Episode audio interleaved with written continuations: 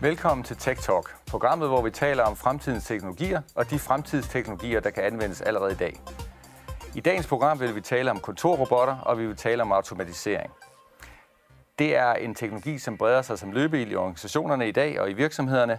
Og spørgsmålet er, hvad kan det bruges til, og hvilke konsekvenser får den teknologi? Vi har i mellemtiden nu fået gæster i studiet, og de er jo i stand til forhåbentlig at belyse det her. Vi har en fremsynet erhvervsleder, og vi har en dygtig forsker. Så øh, Lasse, øh, kunne du ikke lige præsentere dig selv? Jo, så jeg sidder hos øh, TDC, hvor jeg er koncerndirektør og er ansvaret for finans og CFO, den officielle titel. Og uh, ja, det kan vi jo tale mere om, men vi har brugt meget robotter de sidste to år for at gøre medarbejdernes liv nemmere på en del fronter. Ja. Og, øh, og Helle, kunne du også præsentere dig selv? Ja, jeg hedder Helle Sinder Henriksen, og jeg er professor med særlige opgaver på Copenhagen Business School ved Institut for Digitalisering. Og mit særlige forskningsområde er, hvad vi nu kalder digital transformation af arbejde, og med særlig interesse for den offentlige sektor. Ja. Jamen lad os lige kaste et, et, et blik på, lige at få en, en, en lidt en uddybning i, hvad er det kontorrobotterne egentlig går ud på. Nu fik vi det meget high level her. Øh, vi får lige en præsentation, så vi lige kan komme lidt længere ned i emnet. Nu vil jeg gerne fortælle jer om kontorrobotter, også kaldet Robotic Process Automation eller RPA. Øh, kært barn har jo som sagt mange navne. Men lad os starte med at definere, hvad er det, hvad er det vi taler om her. Jamen, øh, det første, der er vigtigt at sige, det er, at det her det er virtuelle robotter og ikke fysiske robotter. Jeg er før blevet spurgt, jamen, hvor skal robotten sidde hen? Jamen, den skal ikke sidde et sted. Øh, den bor inde i, en, øh, inde i en computer, og det den gør derinde, det er, at den udfører arbejde fuldstændig ligesom et menneske øh, ville gøre det. Øh, så den kan klikke og dragge og droppe og, og skrive i IT-systemer øh, fuldstændig ligesom, øh, ligesom vi selv ville gøre. Øh, og en kontorrobot skal faktisk have et brugernavn og et kodeord, øh, ligesom, en, øh, ligesom os selv, ligesom en, en normal menneskelig bruger, sådan at den kan logge på systemer og, og betjene dem. Det, der er det smarte, det er, jamen altså, kontorrobotterne, den kan tilgå og behandle data på tværs af systemer. Den bruger den brugergrænseflade, der allerede er i systemet. Øh, og fordi den gør det, så er den egentlig øh, ligeglad med, om den skal integreres det ene sted eller det andet sted. Den bruger bare sine øjne og betjener systemerne, ligesom vi selv vil gøre. Øh, og det betyder også, at det gør ikke så meget, om det, den skal på, øh, på, på nettet og betjene en, en hjemmeside, eller om den skal lave noget i et, et Windows-system, eller i SAP, eller mainframe, fordi den, den bruger den brugergrænseflade, der allerede er, øh, så, kan, så kan robotten øh, udføre og automatisere en, øh, en proces. Når man skal se på, hvorvidt en proces egner sig til at blive automatiseret med en kontorrobot, jamen så er der, så er der tre forskellige ting, man skal, man skal være opmærksom på. Den første, det er, at processen den skal være regelbaseret. Og hvad betyder det?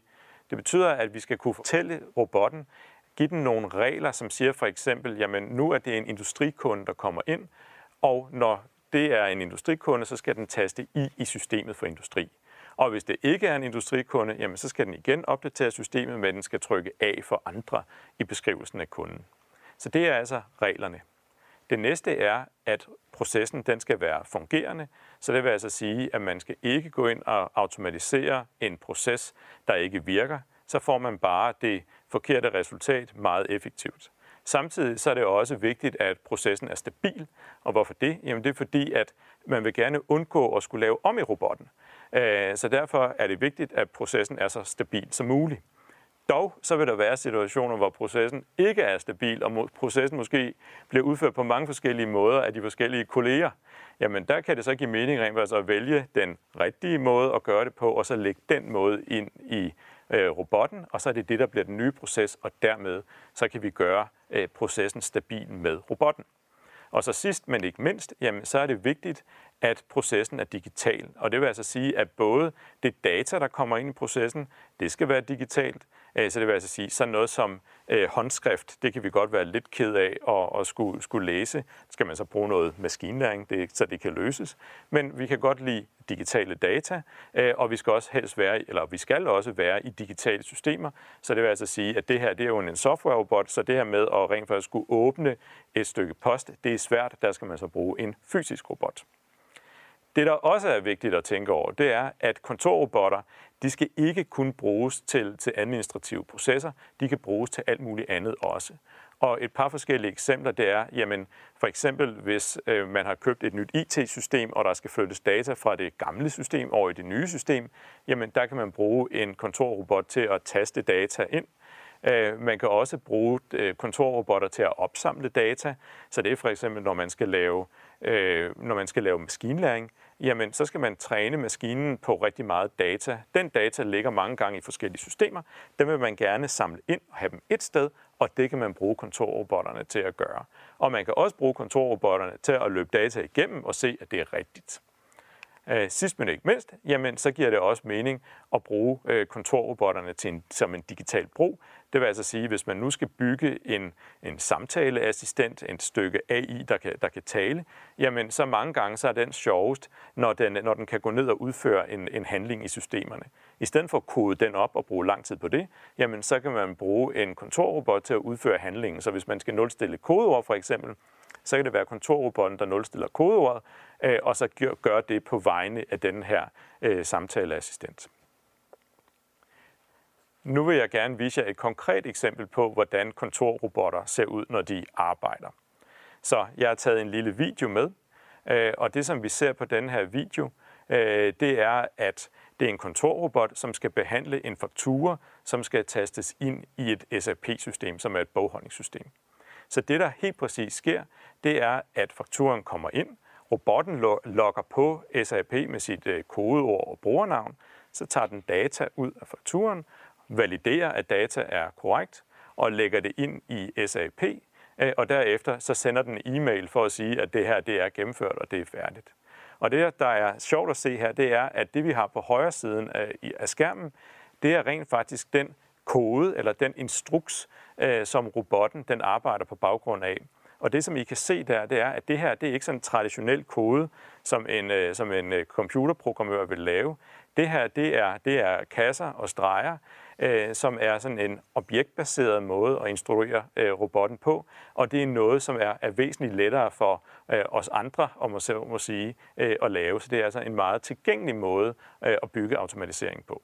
Til slut, så vil jeg sige, at det vi har set i dag, det er, at kontorrobotter, det er software-robotter, så det er altså øh, virtuelle og ikke fysiske robotter, som udfører processer, ligesom et menneske vil gøre i de IT-systemer, som der allerede er til rådighed. Og så er det værd at byde mærke i, at det her, det er altså, øh, jeg vil sige, ret let tilgængeligt, så det vil sige, at der er rigtig mange af os, der kan benytte sig af dem.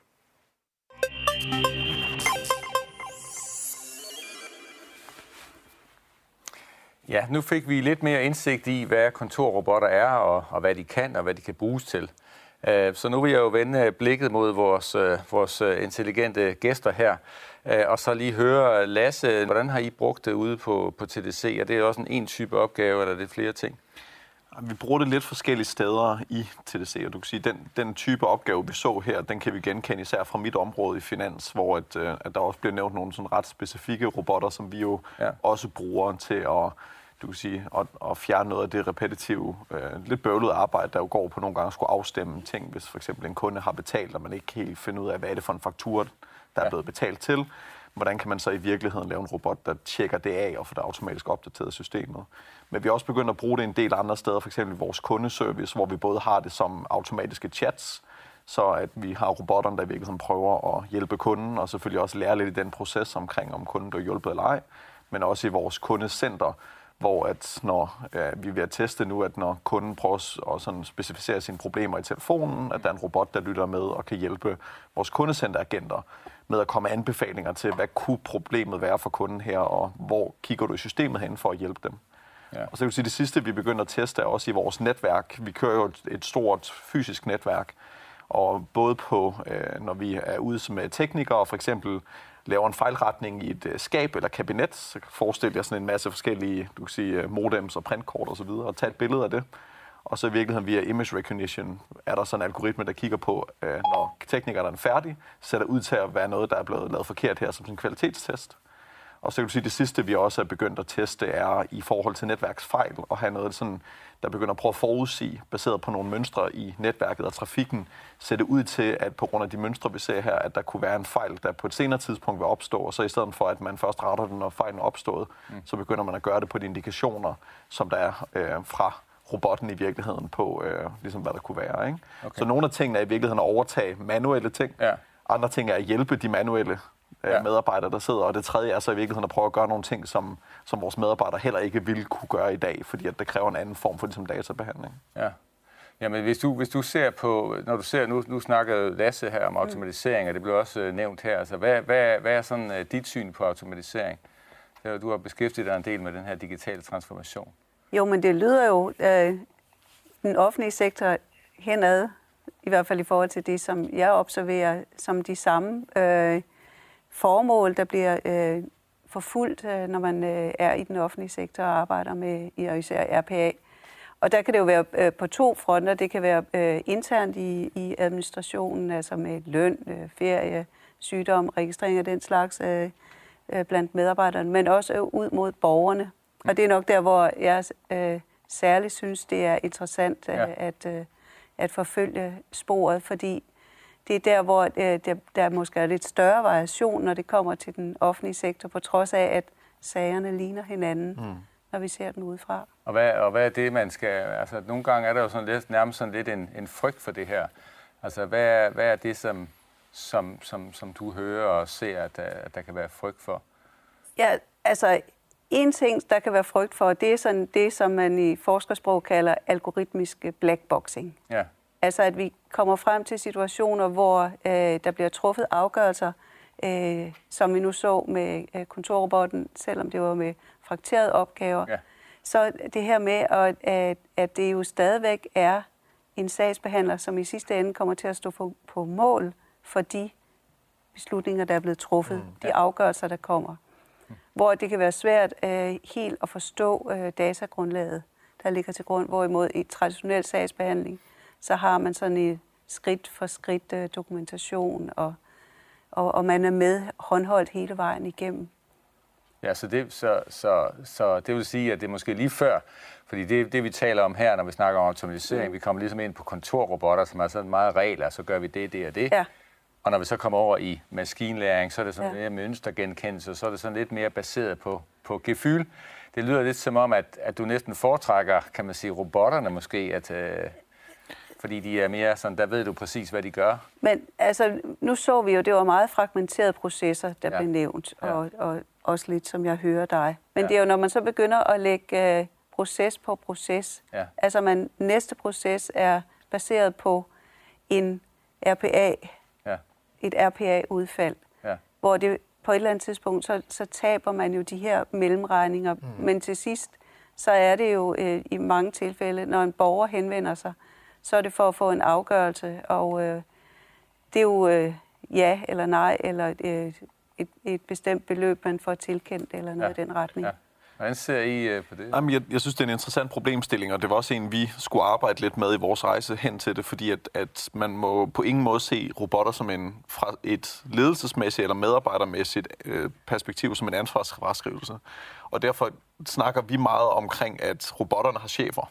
Mm. Og botterne indgår i et team, og derfor kan du som øh, du kan sige chef, kan du have et team af fire robotter og fire medarbejdere, men man kan ikke have fire medarbejdere, og så er der ikke rigtig nogen, der har et ansvar for, hvad de her robotter laver, fordi ofte så hænger den proces, de udfører sammen med nogle andre, men det er også vigtigt, at man hele tiden ser, hvordan går det egentlig med robotterne, og ikke helt anderledes, end hvordan man også vil kigge på en medarbejder. Hvordan går det med generelt succesraten af det, de laver, og sætte stadig ud til, at de udfører de rigtige opgaver. Og det er også derfor, at, at jeg tror, hvert fald givet der, hvor den teknologiske udvikling er nu, at robotter er et fantastisk supplement til mange teams og medarbejdere, og for den sags skyld ledere i deres teams.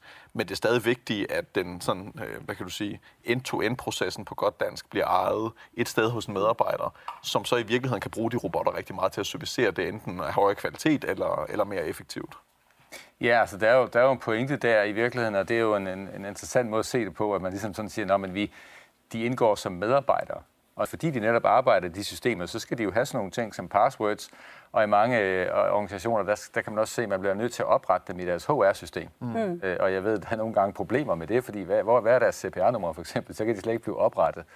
Øh, men, men der ligger selvfølgelig også det i det, at, at hvis det ligesom er mennesker, jamen så er det jo også vigtigt, at man, at man kan stole på det, som så kommer ud af dem, som, som du er inde på, Helle. Mm. Hvordan er det så, man, man takler det her? Fordi det er vel ikke noget, der går baglæns. Vi forventer vel ikke, at det sådan forsvinder? Det kan jeg ikke forestille mig. Nej.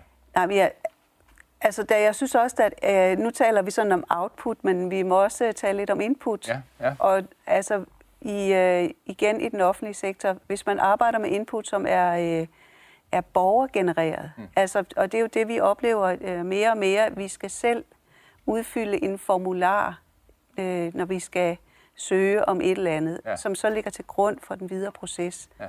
Og det er jo fint nok for ressourcestærke borgere, men det kan jo være en udfordring for, for mere udsatte borgere, som ofte, ofte også er dem, der søger mere ja. Ja. Øh, øh, assistance fra den offentlige sektor. Ja. Og det er jo ikke altid øh, lige gennemskueligt, øh, den logik, der så ligger i de blanketter, man skal udfylde, eller de interfaces, der er, ja. øh, når man går ind på borger.dk, eller hvor man nu går ind ja. og indberetter. Men det er jo stadigvæk input, som kommer til, eller kan komme til at ligge til grund for den videre proces i en sag. Ja, og det, det synes jeg er vigtigt. Ja, og der kan man sige, at netop det der input, det er jo, det er super vigtigt, fordi det er jo altså den gode gamle, og nu sagde du på godt dansk før, altså garbage in, garbage out, som jo også er et udtryk, man mm. bruger. Men, men, men øh, det er jo lidt det samme jo hos jer. Det er jo heller ikke sådan, at, altså i, før i tiden, der kunne man ligesom have en kommunikation, og nu er det mere og mere noget med, jamen okay, hvis du vil have dit abonnement, så kan du gå ind her, og så kan du trykke der, og så kan du selv vælge programmer, og så skal du klikke. Altså, hvordan, hvordan håndterer I den problemstilling med at få øh, input? Vi, bliver nødt til at acceptere, fordi at, at i og med, at vi har jo 3-4 millioner kundeforhold i, i Danmark på tværs forskellige produkter, så, så, så rammer vi jo rigtig mange danskere, der også ligesom agerer med os forskelligt. Og der er ingen tvivl omkring, vi har jo en, en præference for, hvordan kunder agerer med os. Ja. Og det handler jo meget om, hvordan det ser ud bag tæppet, og hvordan vi kan behandle. Og der er der ingen tvivl omkring, desto mere regelbaseret og formularbaseret vi kan få folk til ja. at uh, putte ind, desto bedre. Og jeg tror ja. også, det er derfor, vi oplever det jo selv også som forbrugere på mange hjemmesider, foretrækker de jo nu en formularudfyldning i stedet for en e-mail, fordi e-mails er lidt sværere at afkode ja. i forhold til at øh, få det læst af en robot versus en formular er meget ja. nemmere at ligesom pille fra hinanden. Og det har vi jo også på en eller anden måde fået opdateret i vores måde at interagere i forhold til formularerne. Men der er ingen tvivl om, tilbage til din pointe, vi har jo som, som virksomhed også et ansvar over for, at alle typer af kunder kan interagere med os, og derfor har vi også nogen, der stadig foretrækker enten at skrive en e-mail, Ja. I e-mailsene kan vi så også begynde faktisk at bruge robotter til at gøre dem formularbaseret og få det skilt ad, og så derfra arbejde med det som en formular. Ja. Men der er også dem, der også gerne vil ringe ind, og det kunne være, øh, nogen opsiger og andre køber, men lad os tage opsige øh. Øh, ja. Og der er det stadig en relativt manuel proces, men det er også der, hvor vi gerne vil bruge øh, ligesom voice recognition ja. til igen på samme måde at kunne skilte ad i data. Ja og så kunne få det indløst. Så der bliver helt sikkert et, et, øh, du kan sige, et trin, hvor vi prøver at få folk til at indtale, hvad er det, de gerne vil gøre. Ja. Og så hvis vores robot i virkeligheden kan pille det fra hinanden og forstå det, så kører det automatisk. Hvis ikke, så ringer vi nok tilbage til kunden, og så er der behov for den her lidt mere manuelle touch derefter. Men det er på en eller anden måde, efter man har prøvet et par andre trin på rejsen i virkeligheden, inden vi kommer dertil.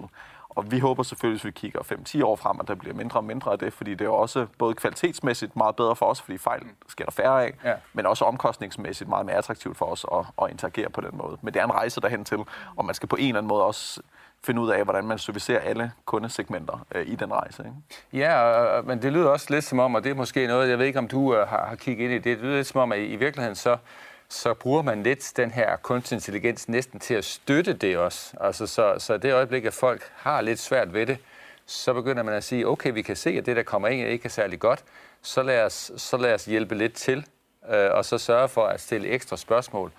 Altså, det er jo også nogle af de ting, vi ser med sådan noget som chat, der pludselig begynder at komme op, fordi folk har haft lidt svært ved det, så vil de hellere, han er sagt, tale med nogen om det. Præcis. Øh, hvordan, hvordan ser men, du... Men det er jo øh, stadigvæk det er jo på robottens præmisser, eller på maskinen, eller teknologiens præmisser. Hvor, øh, og det har I jo også øh, dygtige kunderådgiver. Det kan man jo så have ligesom et, øh, et parallel til den offentlige sektor med sagsbehandler, hvor man vil være i stand til ligesom at spørge ind, når man kan se, at mm. tråden Ja. knækker. Men, men når, det, når det er sådan der øh, RPA, øh, maskinlærings, AI, øh, Ja. så er det på teknologiens præmisser, øh, og, og derfor kan man også komme ret sent altså få fat i, hvis der er problemer. I hvert fald, som jeg ser det. Mm. Og jeg, jeg vil også gerne, øh, nu med al respekt for jeres øh, produktportfølje og, og vigtigheden af, at, at det fungerer, men man må også tænke på, at nogle gange de henvendelser, som der sker til den offentlige sektor, er jo ofte, når folk er virkelig presset, og ofte er det jo once in a lifetime, mm. det man Ja. søger om, eller de henvendelser, der er. Eller også så er det de der gentagende svære sager, øh, hvor der er lidt mere på spil end, øh, Helt enig. end Ja. øh, TV-pakken, mm. selvom Ja, ja, ja. Men det vil, sige, det, det vil sige, det du siger, det er så, at, at du opfordrer sådan lidt til, at man, at man er meget opmærksom på, hvad er det egentlig for en kundesituation? Altså, hvad er det for en borgersituation, som man vil sige, i offentlig sektor, som, som man står i?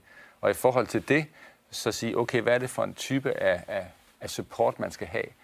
Øh, det er i hvert fald noget af det, jeg selv savner egentlig. Mm. Altså, jeg har jo arbejdet med det her i rigtig mange år, og jeg har, jeg kan huske allerede i 2000, der tror jeg, jeg var inde og snakke med borger.dk, mm. øh, hvor de spurgte til, jamen, hvordan skal det her se ud på hjemmesiden og sådan noget?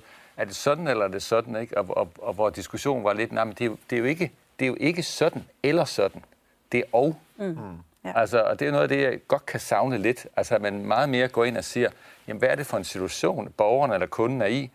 Og hvem er? Altså, hvad er det for en ressource, som egentlig er bag? Fordi der er jo lidt forskel på, om det er sådan lidt en, en det, man kalder tech-savvy, altså en, som er sådan er vant til, som synes, det er meget fedt. Det kan måske være sådan en som dig, Lasse. Jamen, jeg- jeg skal bare lige sådan og sådan. Og, og en, som jo, som jo har nogle, nogle problemer, og måske heller ikke har den baggrund for at udfylde tingene. Man ligesom gør det forskelligt. Altså, øh, hvordan, hvordan altså ud fra, ud fra det, der sker derude, og ud fra din forskning i transformation, begynder man at se, at, at man tager det mere alvorligt, eller er det stadigvæk ligesom et enten eller? Altså, vi, vi har jo haft et periode, hvor vi har haft tvangsdigitalisering.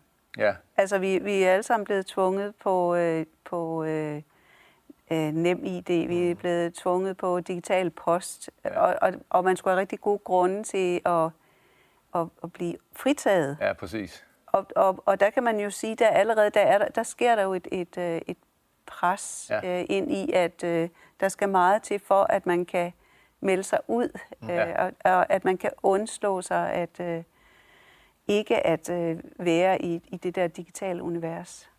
Så, det, så du ser ikke sådan den store opsplitning, i hvert fald en- endnu, altså hvor man sådan begynder at tage hensyn til det. Altså, det er mere, fordi jeg ser det ikke, men det kunne godt være, at, at, at du havde set noget, at, fordi jeg, jeg, jeg ser det også lidt på samme måde, at, at det bliver meget, du ved, nu har min mor så lige død, ikke? Men, mm. men hun kunne så undslippe, fordi hun, hun var der godt op i 80'erne, da det sådan begyndte at, mm. at tage af.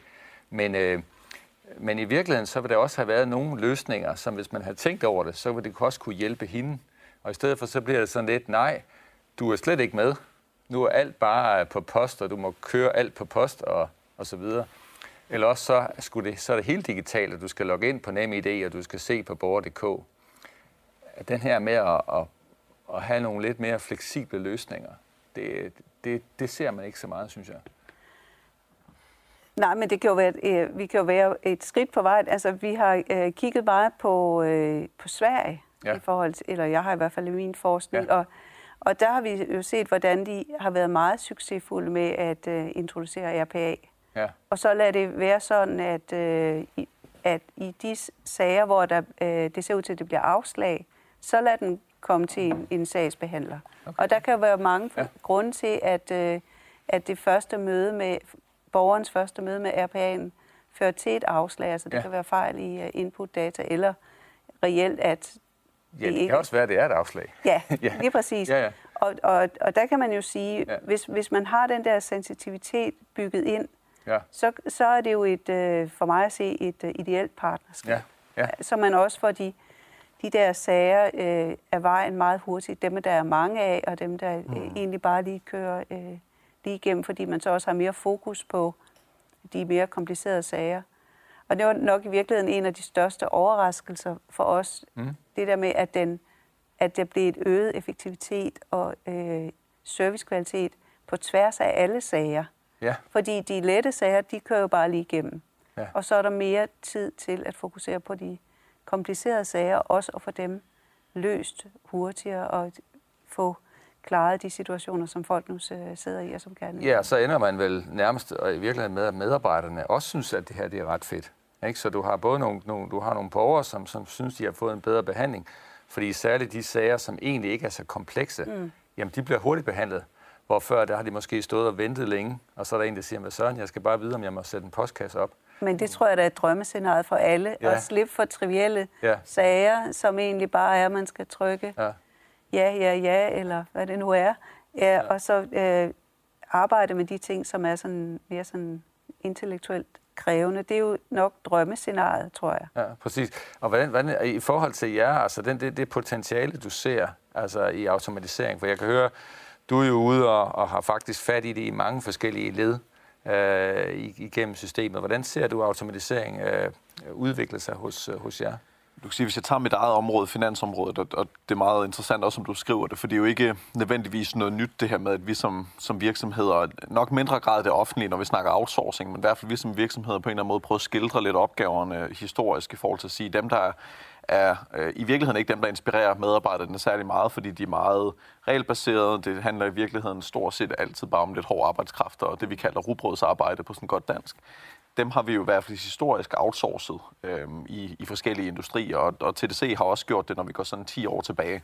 Og derfor har, har vi haft, og egentlig med stor succes, hvis du kigger på det ud fra sådan et forretningsmæssigt perspektiv, højere kvalitet og, og lavere omkostninger, haft uh, relativt store du kan sige, uh, medarbejdergrupper, der sad, sad i, uh, for os var det Indien. Um, og der begyndte vi så, uh, så, så min, min pointe med det er, at, at vi historisk faktisk har adskilt de to mm. typer opgaver, ja. men på en anden måde.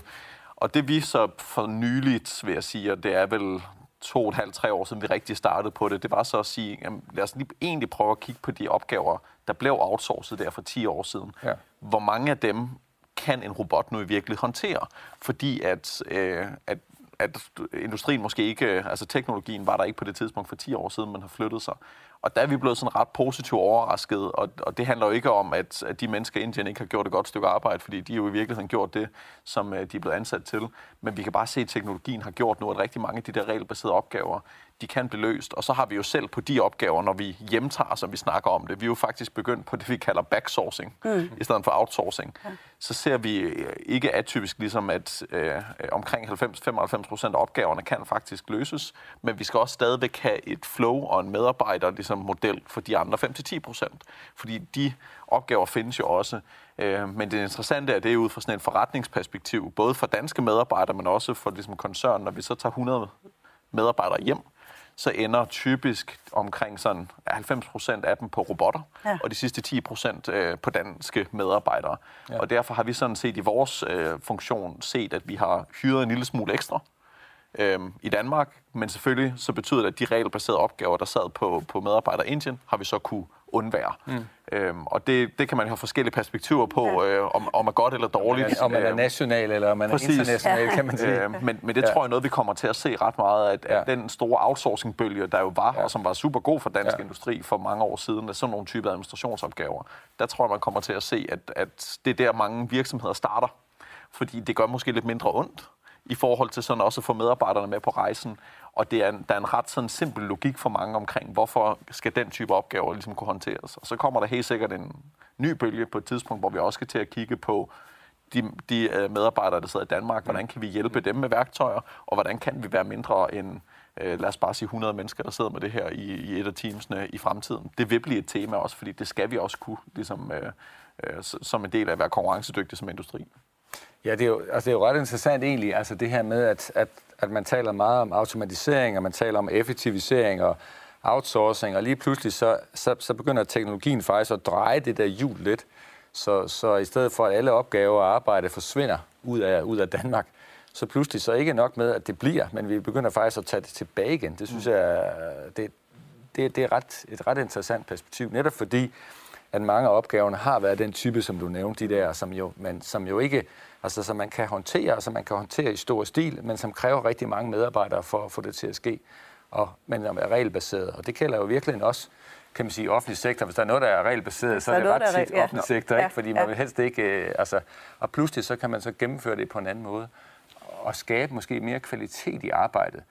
og, og jeg ved, du, du har jo, altså du, du er jo også inde i det her med verdensmålene, og, mm. og du ved, med, med at, skabe anstændige jobs, og, og sikre, øh, kan man sige, øh, internationale organisationer, der har styrke.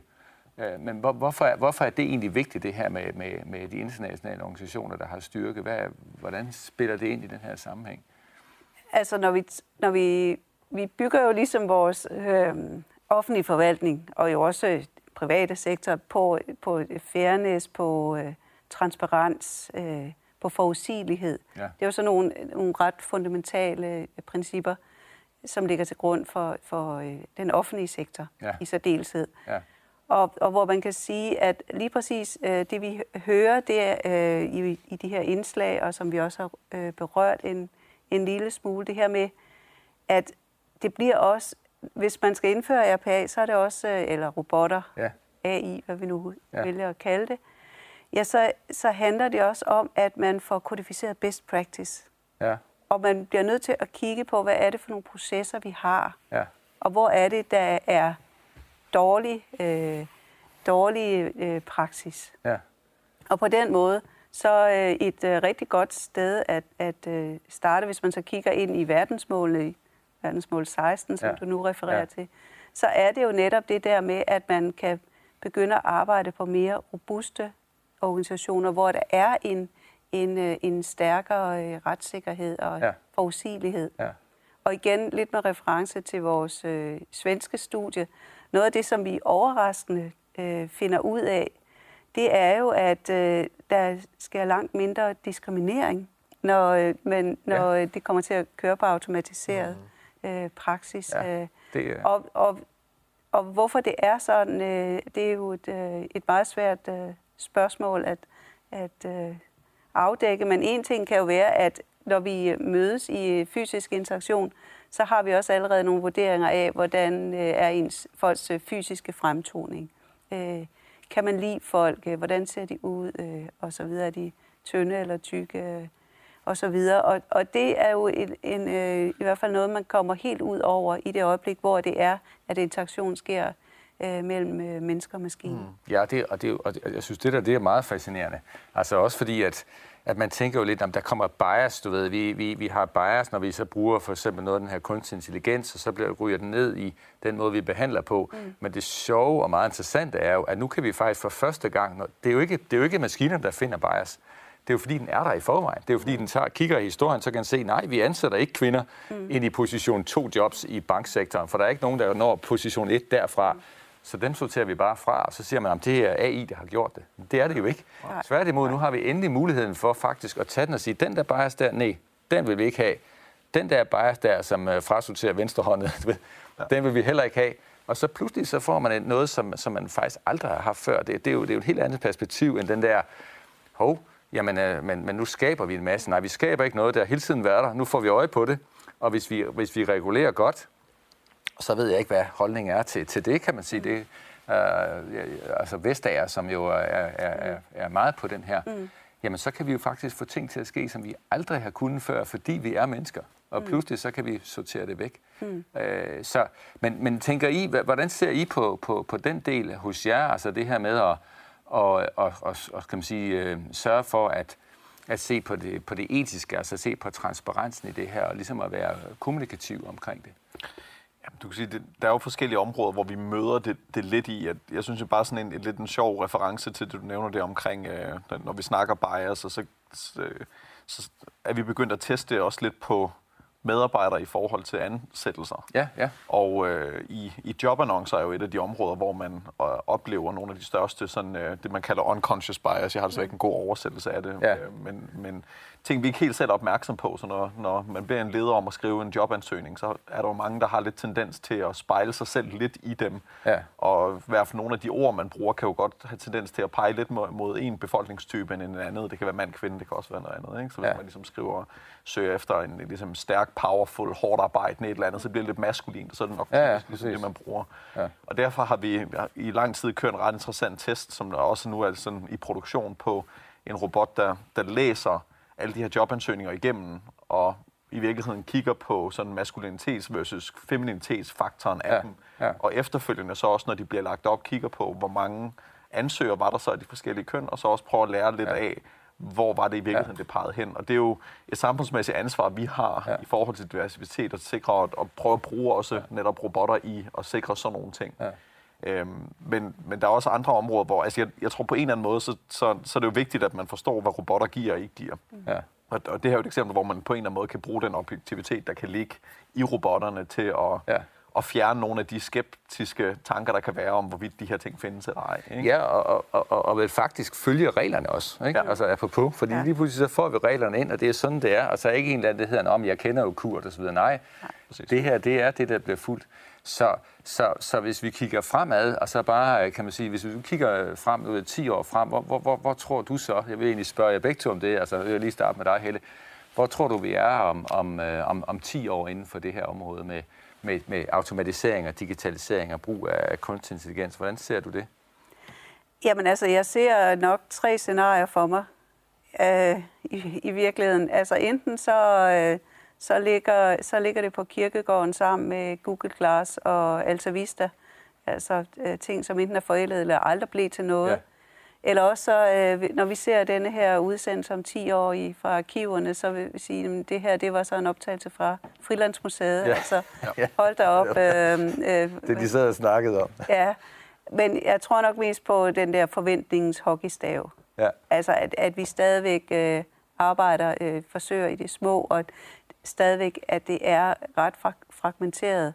I hvert fald i forhold til øh, offentlig sektor, og nok også øh, et langt stykke hen ad vejen Ja. ja. i forhold til erhvervsliv. Øh, men der er jo på andre områder, hvor det buller derud, altså hvis man kigger på sådan hele underholdningsindustri mm, og, og ja, sociale ja. medier. Men jeg tænker i forhold til der, hvor det altså handler om transaktioner og beslutninger, som betyder noget for, for individer i deres øh, hverdag, så er det nok stadigvæk forventningens hockeystav.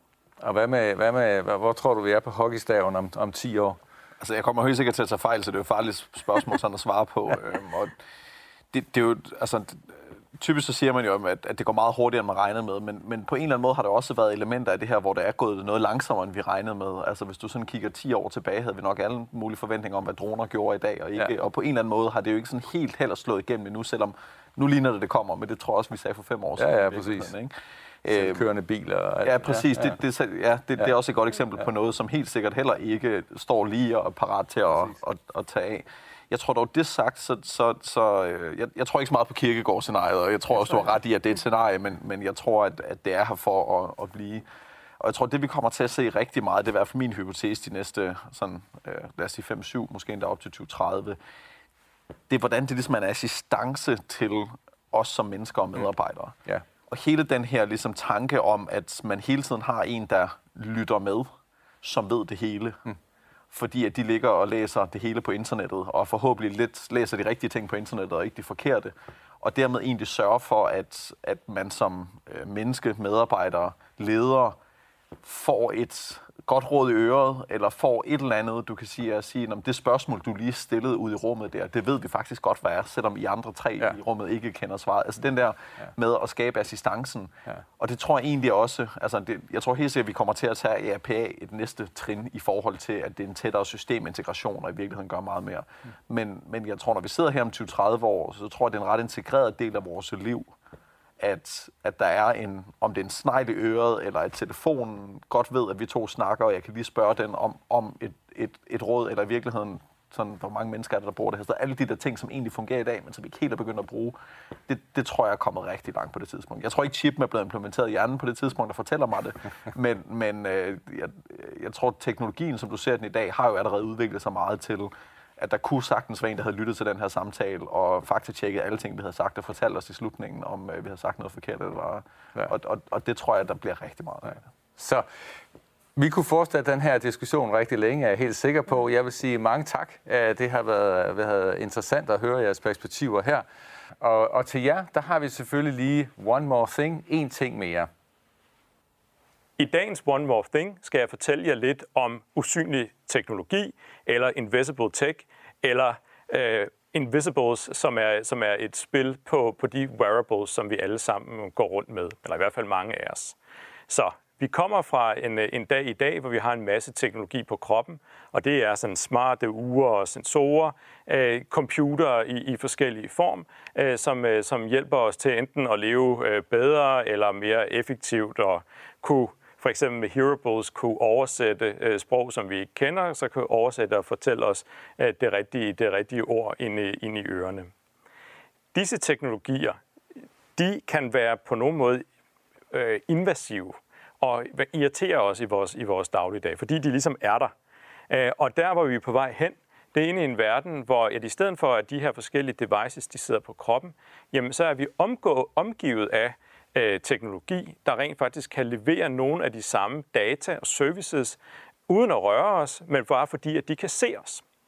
Og et eksempel på det, det er øh, radiobølger. Så det her, det er øh, en, øh, en teknologi, der kommer ud af MIT, som er et universitet i, øh, i USA, Øh, Øh, og det, som de har gjort, det er, at de har taget radiobølger, som de sender ud i rummet.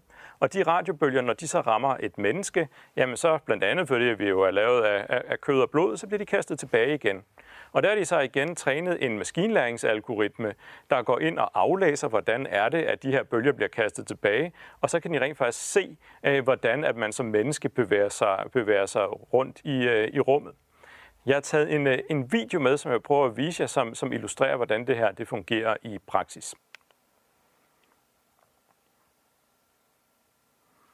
Det, som vi ser på videoen, jamen det er, at lige meget om man er på den ene eller på den anden side af væggen, så fordi at det er radiobølger, ja, som, som går igennem, jamen så kan den her øh, kunstig kunstige intelligens faktisk bygge et billede af og forstå, jamen, hvordan er det, vi bevæger os, selvom den ikke direkte kan se os.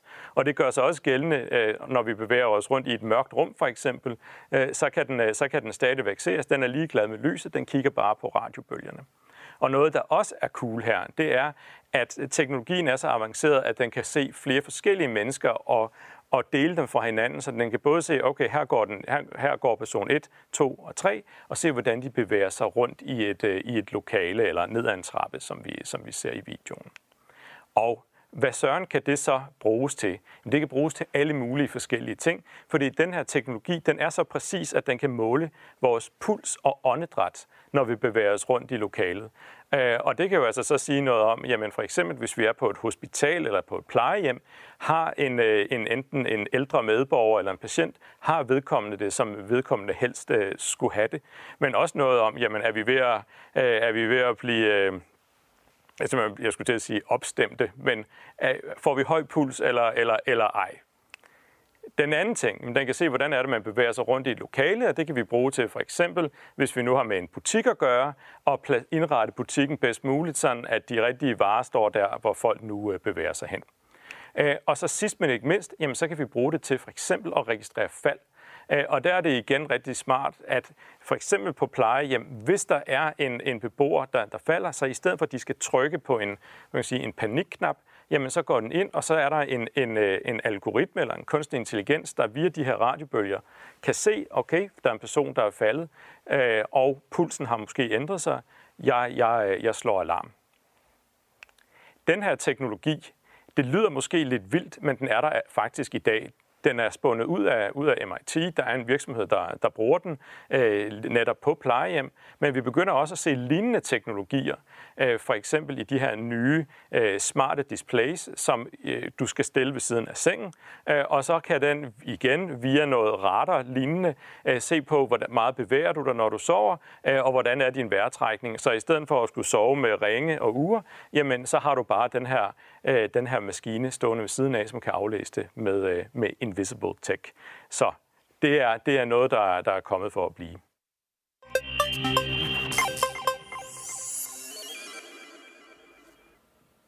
Og det var så Invisible Tech, usynlig teknologi. Som de siger på MIT, wearables, som for eksempel det her ur, er out, og Invisible Tech er in.